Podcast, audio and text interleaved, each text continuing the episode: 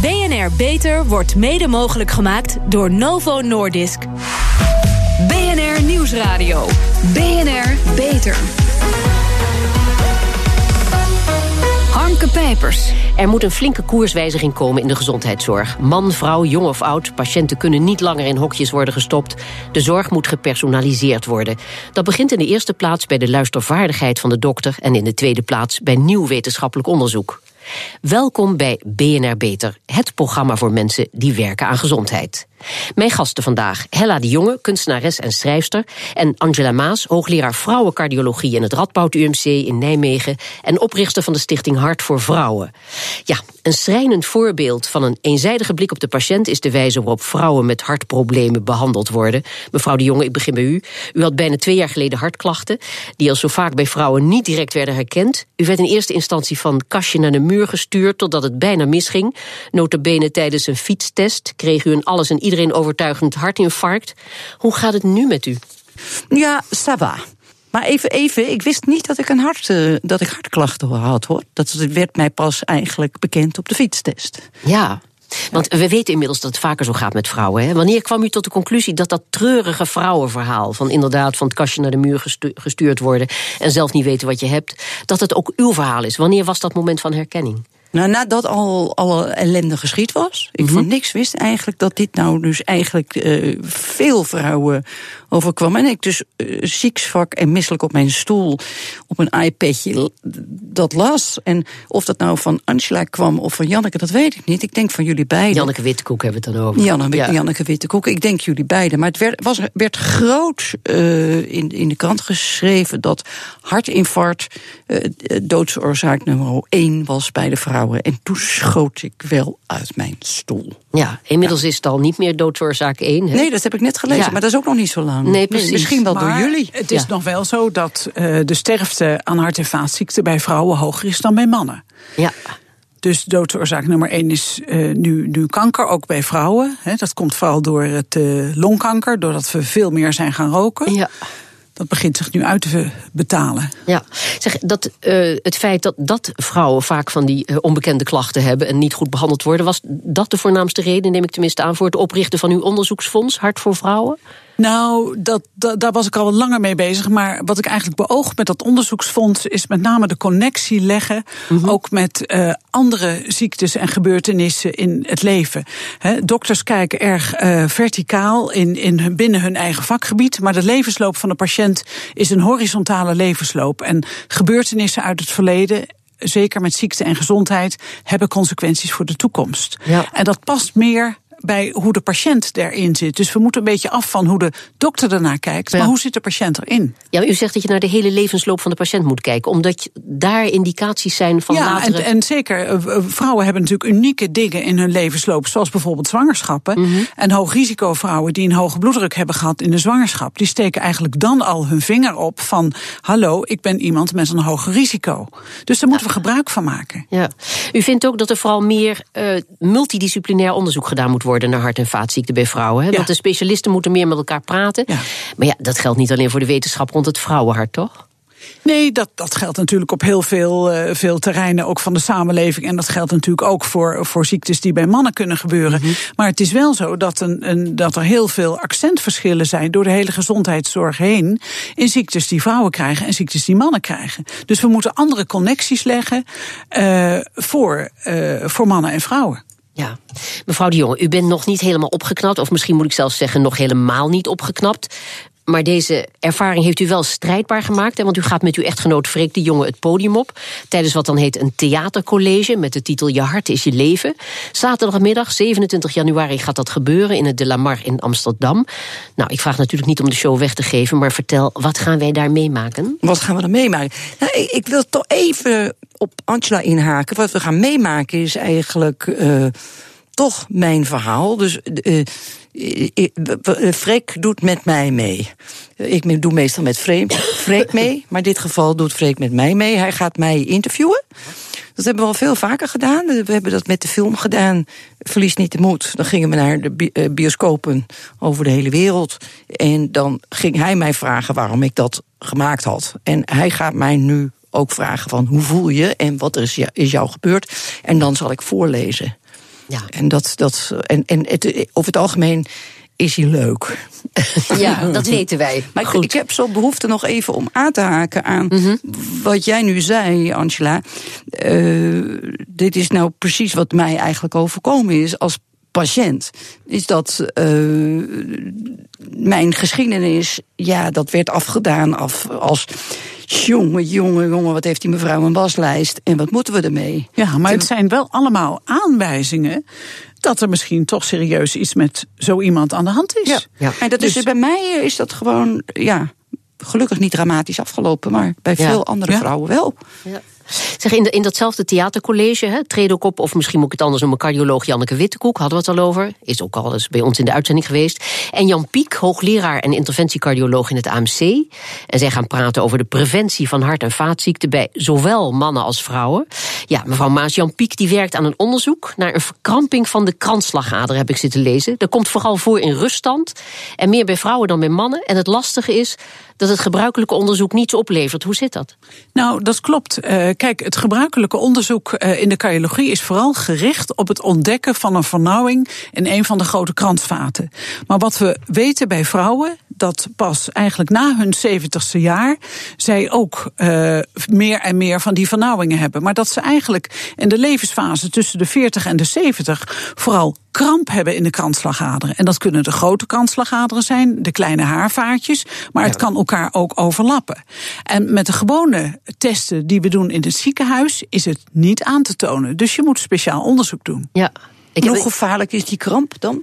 Nou ja, eh, je, kan er, eh, als je het in hevige mate hebt, dan kan je er gevaarlijke ritmestoornissen van krijgen en dus aan doodgaan. Ja, maar ik Dus- heb begrepen, in, in Japan komt deze kwaal, want het is vooral een vrouwenkwaal, hè? Dat, dat, die, die, die Eh, in, in onze westerse landen zien we het sterk dominant is bij vrouwen op middelbare en in leeftijd. Japan komt het ook veel bij mannen voor. Komt het relatief vaker bij mannen voor. Dat zien we ook in Korea bijvoorbeeld. Maar dat zijn ook wel landen waarbij ook nog steeds door mannen relatief veel wordt gerookt. Met name ook in Ja, ja, ja. Korea. En, en we weten dat bijvoorbeeld rokers dat die ook een grotere spasmegevoeligheid hebben in hun kransvaten. Ja. Maar ik dacht dat het ook lag aan het feit dat die mannen eh, idioot lang doorwerken, dood, dood op kantoor. Ja, maar er zijn natuurlijk ook raciale verschillen. Ja, ja. Dus eh, het Aziatische rat, ras is er blijkbaar gevoeliger voor dan eh, de Caucasiërs, de, bla- de blanke mensen. Ja, maar die lopen dus op dat, dat onderzoek op dat gebied vooruit. Want die spasmen Ja. kun je provoceren in een onderzoek. En dat wordt hier niet gedaan, maar Dat wel door Jan Piek. Eh, nou, Jan Piek die, eh, is natuurlijk een, een, een, een zeer ervaren cardioloog die dat ook aandurft. Ja. Maar de meeste cardiologen die dotteren in Nederland, die durven dat gewoon niet aan. Terwijl er nu hele goede protocollen zijn. Er zijn een aantal grote centra, ook in Europa, die dit op hele goede wijze doen. En dan kan je gewoon in de leer gaan. Ja. Dus eh, als je het op een goede manier doet, dan hoeft het helemaal geen risicovol onderzoek te zijn. Maar Ja. dat is wel dus tijdens de katheterisatie. tijdens de katheterisatie. Maar Ja. we hebben ons 40 jaar lang alleen maar gefocust op het plaatsen, op dotteren en plaatsen van een stent. En daar zijn we eigenlijk nu wel een beetje over uitgepraat. En je ziet nu toch dat het in het voordeel ook van vrouwen gaat werken. Dat we ons meer met die spasme en de kramp gaan bezighouden. Dus Ja. daarom verwacht ik ook wel dat we daar nu een soort inhaalslag gaan maken de komende jaren. Maar tot nu toe is nog heel vaak gezegd, nou ja, eh, bij vrouwen kunnen we het verder niet oplossen, want die bekende fietstest enzovoort. ja, dat is de makkelijke route, hè? Door te zeggen van nou. eh, En dan is het dus stress. En wat dan, hè? Want dat, Hella de Jonge, je vertelde het al, dat is bij jou ook gebeurd. Nou ja, stress en wat moeten we er verder mee? Maar dat zou het beginpunt moeten zijn, eh, volgens u, mevrouw Maas, begrijp ik, juist van studie. Ja, want stress is een van onze grootste risicofactoren die we hebben. Dat staat ook in onze richtlijnen. Mhm. Maar voor de meeste risicofactoren hebben we oplossingen, zoals pillen, hè, behandelen van hoge bloeddruk, hoog Ja. cholesterol. Maar met stress eh, voelen we ons toch erg verlegen. Nou, mannen en vrouwen gaan heel anders om met stress. Hè, de impact van bepaalde gebeurtenissen is ook verschillend op mannen en vrouwen. En eigenlijk, omdat we als cardiologen daar onvoldoende in geschoold zijn, laten we het liever links liggen, want dat is gewoon de makkelijkste route. Maar de toekomst, eh, zeker in deze samenleving waarin stress een steeds grotere Ja. rol gaat spelen, zullen we er echt iets mee moeten. Ja, maar goed, is daar nu voldoende draagvlak voor, ook financieel? Nou, er is bijvoorbeeld eh, ook in een subsidie eh, van de samen van Zon MW en de Hartstichting heb ik samen met de Universiteit van Tilburg hebben we geld gekregen om te kijken naar de rol van stress bij eh, eh, zuurstoftekort in de hartspier bij vrouwen. Dus er komt wel mondjesmaat, komt er meer eh, geld voor. Ja. Um, een, een, tijdje geleden zei u in een artikel in het NRC dat u vindt dat vrouwen na de 40 regelmatig hun bloeddruk moeten laten controleren. En dat zou gelden voor vrouwen met een verhoogd risico op hart- en vaatziekten. Nou, dat klinkt aannemelijk, maar dan denk ik, ja, hoe weet je nou als vrouw van 40 dat je tot die groepen hoort? Nou, als hart- en vaatziekte erg in je familie zit, dat weet je natuurlijk al op jonge leeftijd. Het zijn vaak ook vrouwen die op jonge leeftijd migraineklachten hebben gehad. En vrouwen die in de zwangerschap hoge bloeddruk hebben gehad, of zelfs een zwangerschapsvergiftiging. Dat zijn vrouwen die al jong in hun leven hun hand opsteken en zeggen: Ik heb een hoger risico. En, en we weten dat uh, bijna 50% van die vrouwen met de leeftijd van 40 al een te hoge bloeddruk heeft. Ja, en Hella, bij jou was er ook duidelijk sprake van een familiegeschiedenis, hè? Ja. Ja, maar die stress is natuurlijk ook iets wat je niet kan voorkomen. Nee. je, je, je kan wel roepen van. Mij, mij is een hoop stress overkomen die, die, die ik niet van tevoren had gepland. Nee. Nee. En die familiaire zaak heb ik een beetje weggestoten. Ja. Ik wilde niet geloven dat ik ook in de prijzen zou vallen. Dat wilde ik niet. Nee. Hart- en vaatziekten zijn als welvaartsziekten bijna niet te voorkomen. Of toch wel? Hoort u meer over na de reclame. BNR Nieuwsradio. BNR Beter. Dat er bij hart- en vaatziekten een andere aanpak nodig is, is duidelijk. Maar wat kan de overheid hierin betekenen? Nog meer bevolkingsonderzoeken? Hierover praat ik verder met Hella de Jonge, kunstenares en schrijfster, en Angela Maas, hoogleraar vrouwencardiologie in het Radboud UMC in Nijmegen en oprichter van de stichting Hart voor Vrouwen. Ja, op nieuwjaarsdag schreef Freek de Jonge, u weet wel, de man van, van Hella, een column over de zorg waarin hij terugblikt en beschrijft dat hij veel met medici in gesprek is geweest de afgelopen tijd. En hij schrijft: Essentiële vragen bleven dit jaar weer onbeantwoord en zullen dat, omdat de zorg een onaantastbare verworvenheid in onze samenleving is, het komende jaar ook wel blijven. Maar ze stellen is toegestaan in een open maatschappij als de onze. Ik heb er eigenlijk maar één. Waarom wordt het meeste geld in de zorg besteed aan ziek zijn en niet aan gezond blijven? Praten jullie daar veel over aan de keukentafel?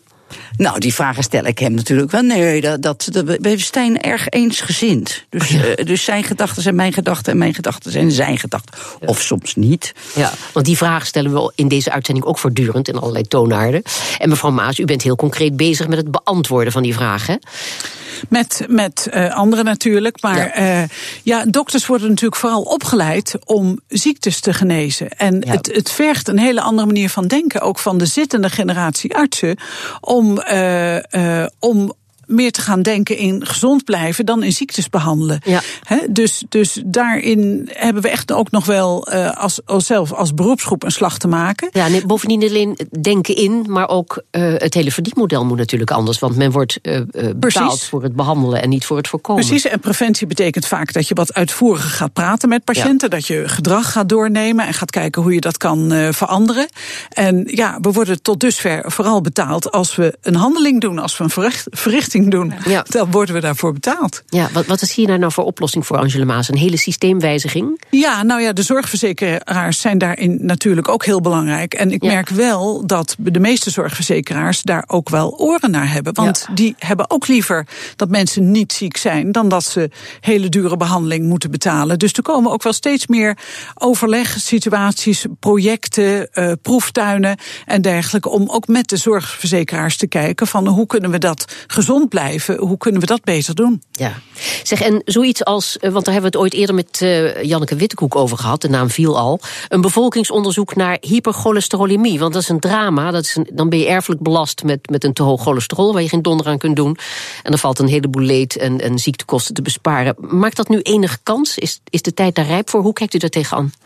Nou, kijk, ik, ik, ik denk dat de echte ernstige vetstofwisselingstoornissen uh, in de bevolking als geheel misschien te weinig voorkomen. Maar ik denk wel dat je binnen de eerste lijnzorg, binnen de huisartsenzorg, uh, handvatten kan geven om de families en de patiëntengroepen er eerder tussenuit te vissen. Ja. Dus ik denk dat in dat soort projecten de eerste lijnzorg van cruciaal belang is. Ja zeker wat dat betreft. Maar een bevolkingsonderzoek begrijp ik, daar bent u niet. Nou, ik denk dat dat rendement misschien te weinig is. Dus dat je toch een. een ja, hoewel Janneke had daar een vastsluitende beredenering voor hoor. Want uh, tegenover de 2 miljoen euro die het bevolkingsonderzoek naar familiaire uh, hypercholesterolemie kost, staat een bedrag van bijna 15 miljoen euro dat kan worden bespaard als je 700 gevallen van hartziekte per jaar kunt voorkomen. Klinkt goed, hè? Ja, nou ja, ik, ik, ik, ik, denk dat je daar op verschillende manieren over kan denken. Maar, Mhm. maar eh, he, be- veel bevolkingsonderzoeken zijn wel extreem duur. En ik Ja. denk dat we moeten leren om bevolkingsonderzoeken ook gerichter te doen. om de pakkans van degene die je zoekt te vergroten. Ja, dat denk ik ook. Ik heb er geen verstand van, maar ik doe mijn best. Hella de Jonge, Freek gaat in het eh, theaterprogramma met, eh, met jou, met Janneke Wittekoek en Jan Piek ook iets zeggen over preventie. Hè? Hij vindt onder andere dat ministeries beter met elkaar moeten praten. Ja, hoe, hoe kijkt u tegen preventie aan? Nou, ik, ik ga even gewoon een stapje terug. Eh, hoe kijk ik tegen preventie aan? Ik ben dus een uitgelezen persoon, want ik heb dus het boekje, boek van Janneke Wittekoek van voor naar achter gelezen. Ja. Nadat ik dus ziek was. Ik ben nou het, de, de persoon die preventie op het lijstje nummer 1 heeft staan. Dus mijn voedsel was echt door een ringetje te halen. Trainen, slapen, alles de- deed ik volgens de normen. En nog ben ik dus gepakt. Ja. En eh, ja, ik heb er een enorme positief gevoel over gehad dat ik zo flink bezig was om, om, om goed voor mezelf te zorgen. Maar dus ja, het is niet alles, dus de preventie. Nee. Nee, Nee, dus ik, ben, ik ben dus echt, en echt alles wat, ik, wat, je aan preventie kan doen, dat heb ik gedaan. Ja. En dan nog, en dan ben ik dus familiair belast. Dus blijkbaar. Ja. Ja, maar dat is natuurlijk wel een clue ook om mensen met een verhoogd risico ertussenuit te pikken. Ja. Dus ook al leef je nog zo gezond, als je een sterke familiebelasting hebt, kan je toch nog een hoog risico iemand Ja. zijn. Ja. Maar ja, voor preventie is natuurlijk gewoon. eh, dit- Het gaat erom dat je zelf gewoon echt. eh, eh, Ik rook niet, ik drink niet. En, en ja, ik zou dat iedereen wel aanraden. Maar ja, ik weet ook. Je hebt ook geen rothuwelijk, het scheelt allemaal. Het zijn allemaal leuke dingen. Ja. Ja, zeg Angela Maas, de wetenschap die moet, die moet andere zaken gaan belichten. Hè? Zoals eh, ook meer onderzoek naar de fijne haarvaten rond het hart. Maar de patiënt van nu heeft nog niks aan die nieuwe inzichten. Die kan niet wachten. Wat is nou uw advies aan de patiënt om verhalen zoals bijvoorbeeld van Hella te voorkomen? Nou, ik denk dat het belangrijk is dat toch de patiënt van nu, en dat is ook wel een beetje zo, dat hij er gewoon op staat dat klachten, eh, in dit geval die zij heeft, eh, dat die gewoon gehoord worden en dat daar op een duidelijke manier onderzoek naar gedaan wordt. Ja. Dus ik denk dat je je als patiënt in deze tijd niet meer met een kluitje het riet in moet laten sturen. Ja. Van ach mevrouwtje, het gaat wel weer over, het is misschien een beetje aanstelleritis. Dat zijn geen antwoorden meer die je in deze tijd mag krijgen van een arts. Nee. Zeg, en uh, wat ik weet dat uh, bij de huidige generatie uh, medisch studenten dat er ongelooflijk veel aandacht voor is. Hè? Bij het Radboud UMC hebben ze al sinds 2009 een Chief Listener Officer voor aangesteld. Een patiëntluisteraar. Ik zou bijna denken patiëntfluisteraar, maar dat is niet zo. Dat kan ze niet. Corinne Jansen. Ja, zij, zij praat niet alleen met patiënten, maar leert dokters ook beter luisteren. Zit daar nou op dit moment de grootste winst in voor de patiënt? Mevrouw nou, Maas? daar zit al wel heel veel winst in. Want he, nogmaals, we worden nog te veel opgevoed van de dokter weet het wel. Ja. He, de, de, maar uh, heel vaak weet de patiënt veel beter wat hij of zij voelt en wat er gewoon aan de hand is. Dus, dus he, uiteindelijk uh, moet toch de patiënt sturend zijn in het gedrag van de dokter. Ja. Ik, ik, wil hier even op aansluiten. Het mooie is, mijn dochter is dus medisch biologe. Mm -hmm. En die heeft in mijn verhaal en in mijn boek uh, een hele grote stem.